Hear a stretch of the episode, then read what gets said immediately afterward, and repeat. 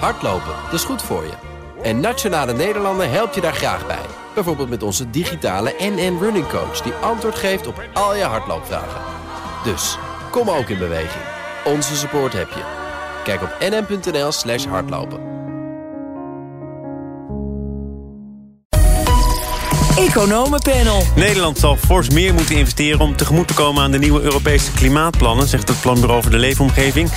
En de Nederlandse economie groeit nog sneller dan verwacht, maar huizenprijzen en andere problemen staan nog verder herstel in de weg. Blijkt uit de macro-economische verkenning van het CPB. Dat en meer bespreek ik in het Economenpanel. Daar zit Hans Steegman, hoofd onderzoek en investeringsstrategie bij Triodos Bank. En Martin Visser, econoom, financieel journalist bij de Telegraaf. Goed dat jullie er zijn. Goedemiddag. Goedemiddag. Dus we kunnen aftrappen met uh, inderdaad die inspanningen die Nederland zal moeten leveren... en ook meer geld uh, zal moeten reserveren om tegemoet te komen aan het uh, Europese klimaatplan Fit for 55, meldt het Planbureau voor de Leefomgeving. Volgens het PBL zijn de recent aangekondigde investeringen niet voldoende om de emissiedoelen te behalen. Hans, kwam dat voor jou als een verrassing?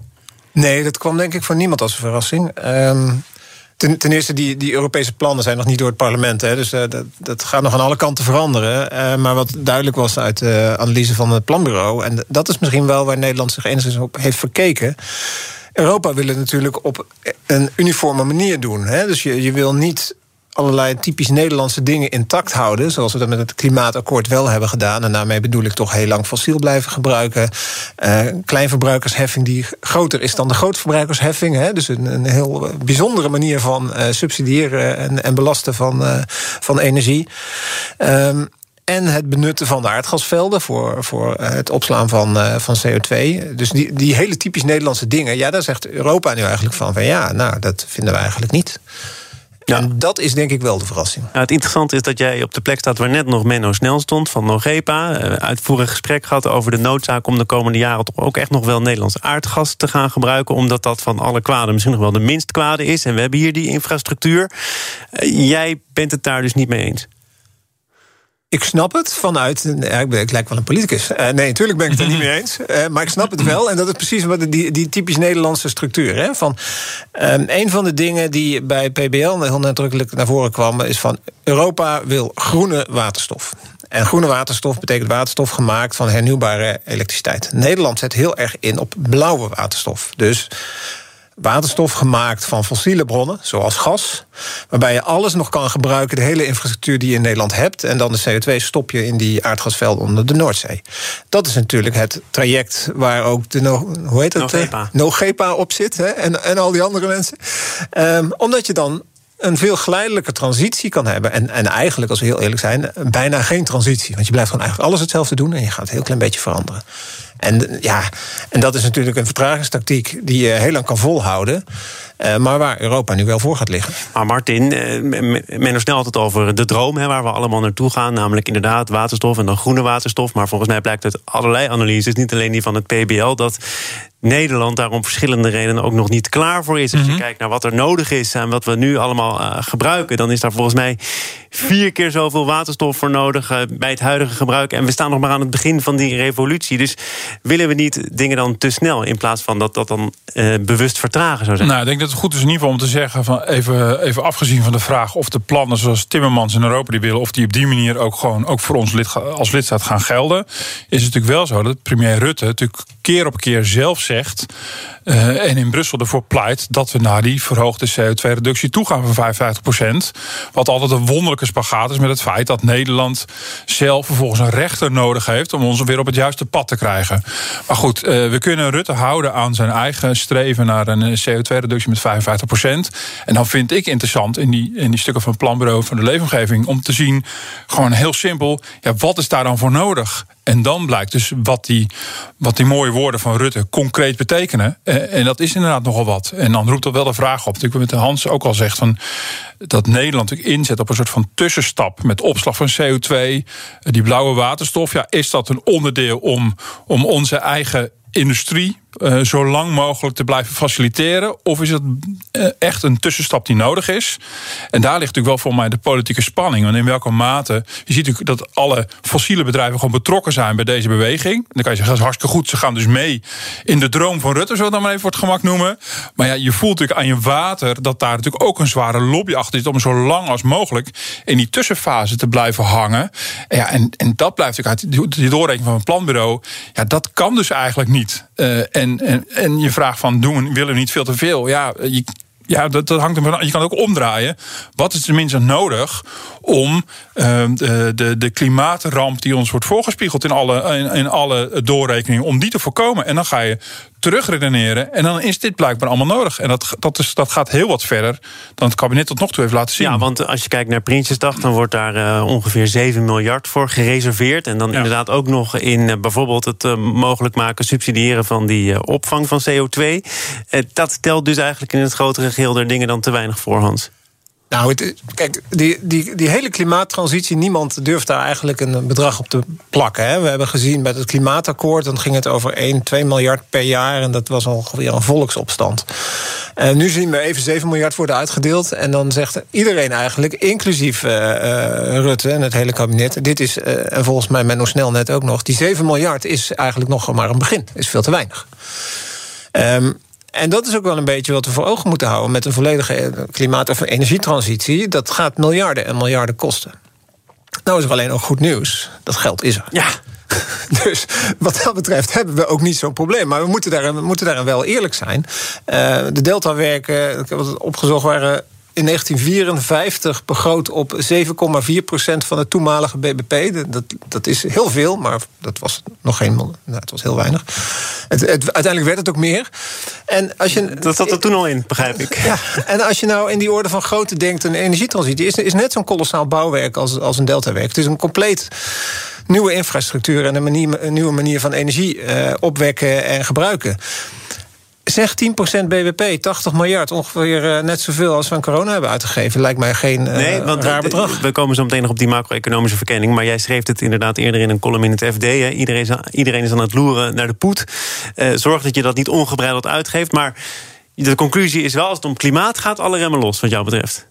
Nou, niet alle remmen los. En dat, is, dat sluit aan wat Martin net zei. En met de belangen van verschillende lobbypartijen. Je, kan, je moet als overheid moet je in je rol blijven en het maatschappelijk belang borgen. En je niet overleven aan, overleveren aan partijen met de lobby. Dus je kan zeggen: wij willen een markt creëren die uh, duurzaam is. Zelfs laten we Tata Steel. Duurzame staal willen wij. En dat moet daar en daar en daar aan voldoen. Wie kan het maken? En dan komt misschien die Zweedse staalfabrikant... of dan komt Tata Steel misschien kan dat doen. Dat is prima. En dan geef je die subsidie omdat ze dat kunnen maken. Maar we doen het omgekeerde. We gaan met partijen om tafel zitten, vragen hoeveel geld ze nodig hebben om hun, wat dat noemen we dan de onrendabele top te financieren, zodat zij alles kunnen doen. En voor je het weet gaat het geld naar India. En, ja, in die zin was natuurlijk, wat mij betreft, ook die hele tafel. Die gebeuren met al die tafels met nijvels. Een ongelooflijk valse start. Ja. Dan heeft natuurlijk het kabinet op zijn minste schijn gewekt. En waarschijnlijk wel meer dan dat.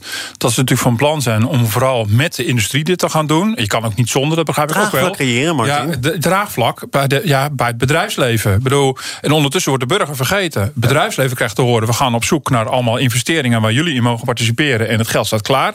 En de burger krijgt te horen: je moet thuis van het gas af. Eh, heel simpel gesteld. Maar zo is de boodschap natuurlijk overgekomen. Ja. Terwijl je natuurlijk moet terugredeneren van welke doelen hebben we, wat is daarvoor nodig, hoe gaan we daar komen. Eh, en draagvlak creëer je dan niet door alleen met de industrie om tafel te gaan, want hoe enthousiaster de fossiele industrie is, de hoe trouwiger je moet worden. Want dat doen ze natuurlijk. Ik bedoel, dat is ook logisch. Je moet de bedrijven leiden, ze moeten gewoon winst maken. Dus ik kan ze bijna niet kwalijk nemen. Uh, want je moet natuurlijk wel ontzettend mee uitkijken dat je dan A, de burger kwijt bent geraakt, gruwelijk veel geld hebt uitgegeven, aan niet aan mogelijk niet de meest effectieve uh, oplossingen. Uh, en ik denk, nou goed, de, bij een nieuw kabinet, mocht het ooit nog komen, is natuurlijk een herkansing. Uh, nieuwe Nijpels komen. Of eigenlijk geen nou, nou ja, niet, niet, op die manier. Ik bedoel dat je draagvlak creëert en dat je het met alle partijen wil doen, dat begrijp ik zichzelf wel. Maar niet op die gesloten manier met honderd clubs om tafel. Ondertussen de burger vergeten. En je ziet natuurlijk en proeft aan alles dat, dat de, de, de burger en de consument wordt belast. En het bedrijfsleven. Nou, dat moet heel veel maar zijn. Want als je het de burger zou vragen? Wat denk je dan? Want die zegt dan van ik hoef helemaal niet van het gas af. Nou, nou bijvoorbeeld. Nou ja, dat bedoel, dan, dan moet je een goed verhaal hebben die burger daarvan overtuigen. Maar niet op voorhand het prijskatje daar neerleggen. En zeggen wij CO2-belasting voor de industrie. Oeh, moeilijk, moeilijk. Vestigingsklimaat. En, uh, en daarom, daarom heb je ook een enorme zak met geld nodig. Hè? Om, om transities, hervormingen, je moet draagvlak voor een deel kopen. Dus je moet ook aan die burger kunnen zeggen: we gaan, we gaan echt de klimaattransitie geloven, dat is echt nodig. En in Europa, we gaan het allemaal samen doen. En dat kost veel geld, alleen we zorgen ervoor dat het jullie niet veel geld kost. Hetzelfde kan je zeggen aan uh, de producerende kant. Dan zeg je niet van uh, we gaan jullie compenseren, maar we gaan wel zeggen van we willen dit en dit hebben. En we gaan een markt creëren, eigenlijk net als we hebben gedaan met wind op zee. Uiteindelijk kan je daar proberen markten te creëren en dan nog als subsidie. als het de burger geen of weinig geld gaat kosten, wie gaat het dan uiteindelijk wel geld kosten? want moet op daarom hebben we als overheid, dus uiteindelijk betalen we het allemaal natuurlijk. Maar dat kan je wel nog heel erg goed nadenken hoe je dat op de meest efficiënte manier kan doen en dat het ook tenminste gebeurt. We gaan naar uh, de macro-economische verkenning. BNR Nieuwsradio. Zaken doen. Thomas van Zeil. En daarin het economenpanel zit Hans Tegeman en Martin Visser. De economie herstelt. Aan het einde van dit jaar staan we weer op de plek waar we stonden voor corona. Tegelijkertijd remmen de huizenmarkt en de groeiende ongelijkheid het herstel, zegt het Centraal Planbureau in haar macro-economische verkenning voor volgend jaar 2022. Martin, wat viel jou het meeste op uit de MEF? Nou ja, kijk, dat het goed gaat met de economie, dat hadden we al meegekregen. Dus dat, dat bleek al een, al een tijdje. Vorige week waren er zelfs weer bijgestelde cijfers van het CBS. Dat het nog beter gaat dan daar, goed. Daar ben je ingedoken, hè? En, uh, daar ben ik eh, even ingedoken. Dat, dat bleek van een belangrijk deel te komen door de, de, de productie in de gezondheidszorg. dus we prikken ons uit de misère. Uh, en die prikken zelf zijn ook weer een onderdeel van onze economie. Dat vond ik uh, grappig, grappig weetje. Dus dat, dat, en die cijfers kwamen met vertraging door. Omdat de zorgsector iets anders aan zijn hoofd had dan alles één op één naar het CBS door te, door te sluizen. Maar mij viel inderdaad ook wel op waar je net aan refereert, is de kritische noot die het Centraal Planbureau ook kraakt bij de stijging van de huizenprijzen. Uh, wat zorgt voor vermogensongelijkheid. De, de hoos op de beurs, dat ook zorgt voor vermogensongelijkheid. En dat de CPB er niet voor terugtijnst om daar expliciet onder andere aan de Europese Centrale Bank te wijzen als mede veroorzaker van, uh, van dit alles. Dat is toch wel een, een, een gevoelige discussie, waar ja, inmiddels in Nederland ook een Centraal Planbureau in, in de scharen van de tegenstanders van het ECB-beleid zitten. Dat viel mij op. En wat betekent dat? Want Klaas Knol heeft zich natuurlijk ook al kritisch uitgelaten over dat Europese Centrale Bankbeleid, waar hij overigens zelf onderdeel van ja, uitmaakt. maar soms dan stuurt hij achteraf nog een fax over wat hij er werkelijk van vindt. Uh, nu het Centraal Planbureau. Ja, schrikt uh, Lagarde daarvan? Nou, betekent dat, dat, dat, denk, dat, dan denk ik niet.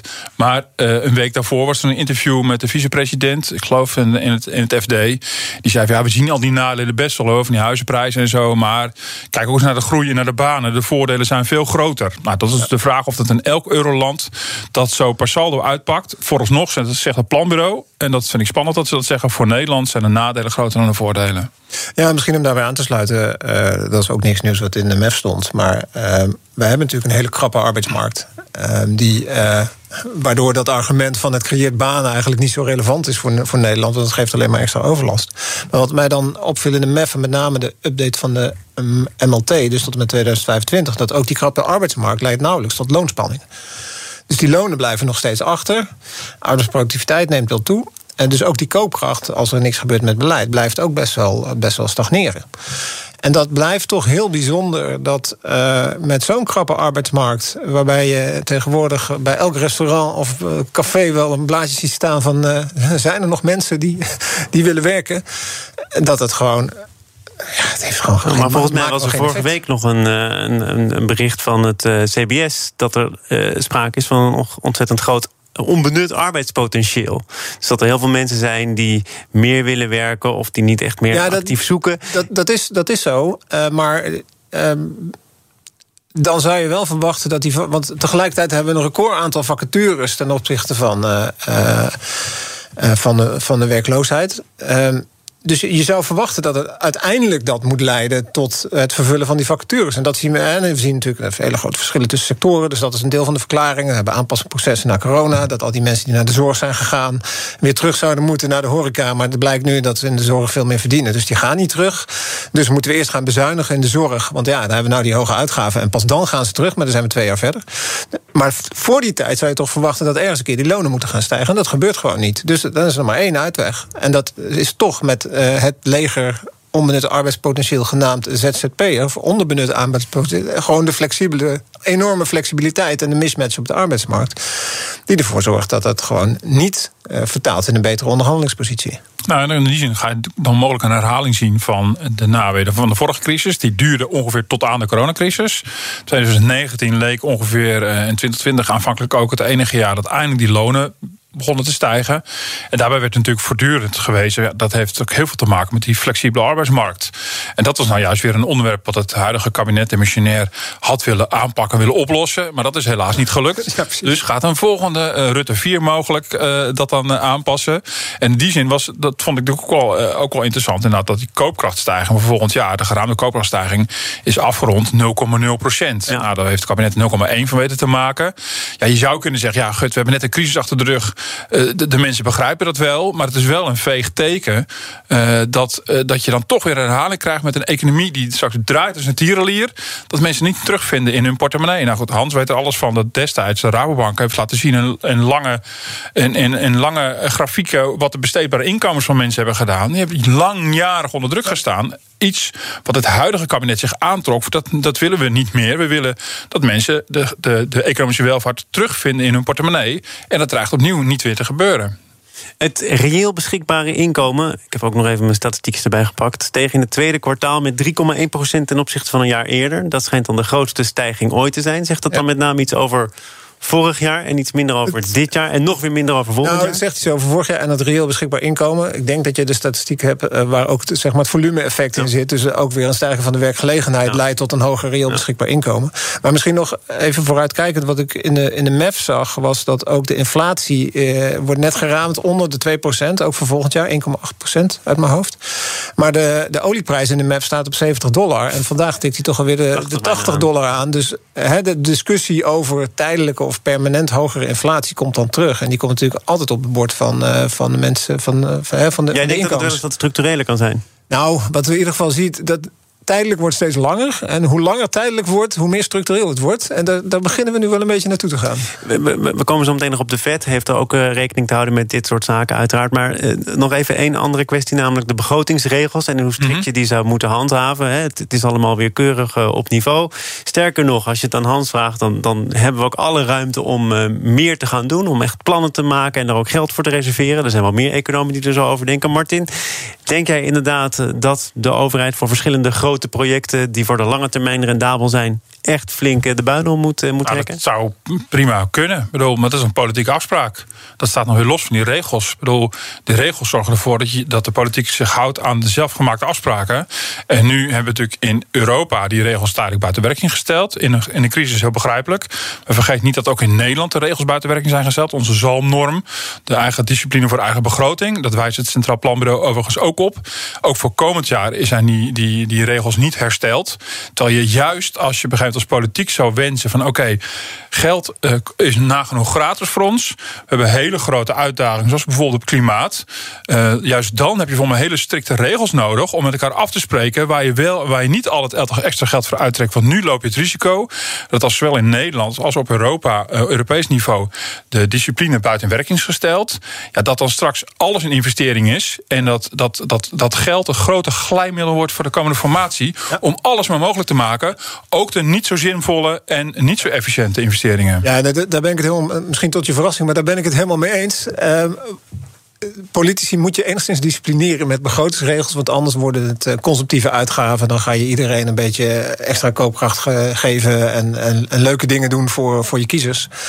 Um, en ik zou dus pleiten. Maar daar beginnen ze in Europa ook over na te denken. Hoe je een scheiding kan maken tussen gewoon begrotingsregels. En welke ruimte je kan hebben voor investeringen. Wat een hele lastige discussie is. Want het wordt natuurlijk allemaal maar dan mag je dit volgens de begrotingsregels eigenlijk niet uitgeven. Maar dit is een bijzondere investering. dat, ja. dat wordt lastig, maar we moeten toch een beetje die kant op, denk ik. Ja, Martin? Ja, ja, ik denk dat Griekse pensioenen ook een investering zijn. En, uh, ja, nee, en uh, Italiaanse overheidsuitgaven. Nee, maar ik snap ja. heel goed, ja, dat wordt ook honds ingewikkeld. Maar ik begrijp het natuurlijk wel. Ik bedoel, een investering is echt iets anders dan een platte uitgave. Maar dat, daar gaat ook politiek ja, dat, dus heel dat, erg moeilijk mee om. Met dat Next EU-pakketten, uh, die 750 miljard... die we nu ook gezamenlijk moeten financieren... daar heb je al dat soort regels. En, en, en al die investeringen worden al zo getoetst. Dus het kan best. We zitten nu in een fase van de plannen indienen. En dat gaat dat geven, dat is het makkelijkste deel. Nu krijgen we de jaren van dat ook eh, op een goede manier doen. Handhaven. Want tegenover die investeringen tussen aanhalingstekens staan ook weer allerlei economische hervormingen tussen aanhalingstekens. Ja, of dat allemaal. Ik ben nog vooralsnog heel sceptisch over. Want de track record van de, de Europese Commissie van de Europese landen op dit gebied is onwaarschijnlijk slecht. Maar goed, jij zei het volgens mij. Je moet zeker met het oog op de verkiezingen politici wel een beetje disciplineren. Want voor je het weet wordt er vooral gedacht over de koopkracht. De mensen moeten het allemaal wel merken. Maar eh, Martin, jij merkte net op, als de economie als een tierenlier draait, dan, dan is dat misschien niet een enorm rendabele investering voor de lange termijn. Maar dan is het er ook logisch dat burgers dat terug willen zien in hun portemonnee. mag je daar ook wel geld voor reserveren? Nee, zeker. dat kan ook zeker. De vraag is inderdaad eh, eh, met welke mate en waar doe je dat dan in? En uh, bedoel, dat, maar dat hoeft dus niet per se te zijn dat alles maar in investeringen en uitgaven zit. Het kan bijvoorbeeld ook zijn in een grote belastinghervorming die de facto tot een lastenverlichting leidt. aftrek afschaffen of zo. Ja, bijvoorbeeld. ik weet niet of de mensen dat als een enorme lastenverlichting ervaren. Maar, het is wel een belastinghervorming die. ja, dat is wel een belastinghervorming. Ja, nee, maar goed, ja, ik bedoel, dus in die zin, niet alles hoeft meteen een overheidsuitgave te zijn. Uh, wil de burger toch merken in de portemonnee. Maar als jij 2 miljard over had, hè, want daar ging het de afgelopen week over. Dus 2, 2 miljard nog eventjes verdeeld of herverdeeld. Waar zou jij het aan uitgeven? Nou. Wat, wat met die 2 miljard is dus precies gebeurd waar we het over hebben. Hè. Die, die, die zijn vooral gegaan naar uitgaven op korte termijn. Ik zou dan, maar dat, dat kan, ik snap ook dat het allemaal niet kan met zo'n dimensionair kabinet. Maar veel nuttiger zou zijn geweest uh, die, die woningmarkt hervormen met wat smeermiddel. Daar, daar is wel geld. Je 2 miljard, toch? Nou, hypotheekrenteaftrek afschaffen levert geld op. Daar kan je wel andere nuttige dingen mee doen. Kan je ook meer mee, bouwen. Is dat een probleem op zich? Nee, dat, kan je ook nog gefaseerd doen. Er zijn allemaal plannen voor. Nou, ik denk dat ik als eerste daar dat geld aan zou uitgeven. Wat zou jij doen met 2 miljard? Misschien denk je daar 2 miljard is niet zoveel hoor. nou ja, ik bedoel, dat zou, in, dat zou in de vorm van een lastenverlichting kunnen. Ik bedoel, wat mij betreft moet de belasting en het, en het toeslagensysteem totaal worden herzien. En dat kost ook gewoon domme geld. Dat staat ook in alle verkiezingsprogramma's. Uh, ja, dat men dat wil. En hoe men dat wil, dat geeft flauw idee. Maar uh, er zijn een paar partijen die komen dan uit op gratis kinderopvang bijvoorbeeld. Nou, dat zijn, wil je van de toeslagen af op, op een normale sociale manier... waarbij je alle ongewenste effecten compenseert... dan is het echt een behoorlijke operatie. Dan ben je er denk ik niet meer 2 miljard. Nee. Wij zijn er wel. De vet is gesneuveld komt vast een volgende keer weer aan de orde. Want voordat er echt een renteverhoging is, heb ik jullie echt al wel weer gesproken. Vast wel. Martin Visser, econoom en financieel journalist bij de Telegraaf. En Hans Tegeman, hoofdonderzoek en investeringsstrategie bij de Triodos Bank. Fijn dat jullie er waren. Zometeen een laatste update van onze Duitsland-correspondent Dirk Marseille over de verkiezingen van gisteren. Business Booster. Hey ondernemer, KPN heeft nu Business Boosters. Deals die jouw bedrijf echt vooruit helpen. Zoals nu, zakelijk tv en internet, inclusief narrowcasting... de eerste 9 maanden voor maar 30 euro per maand. Beleef het EK samen met je klanten in de hoogste kwaliteit. Kijk op kpn.com slash businessbooster. Business Booster.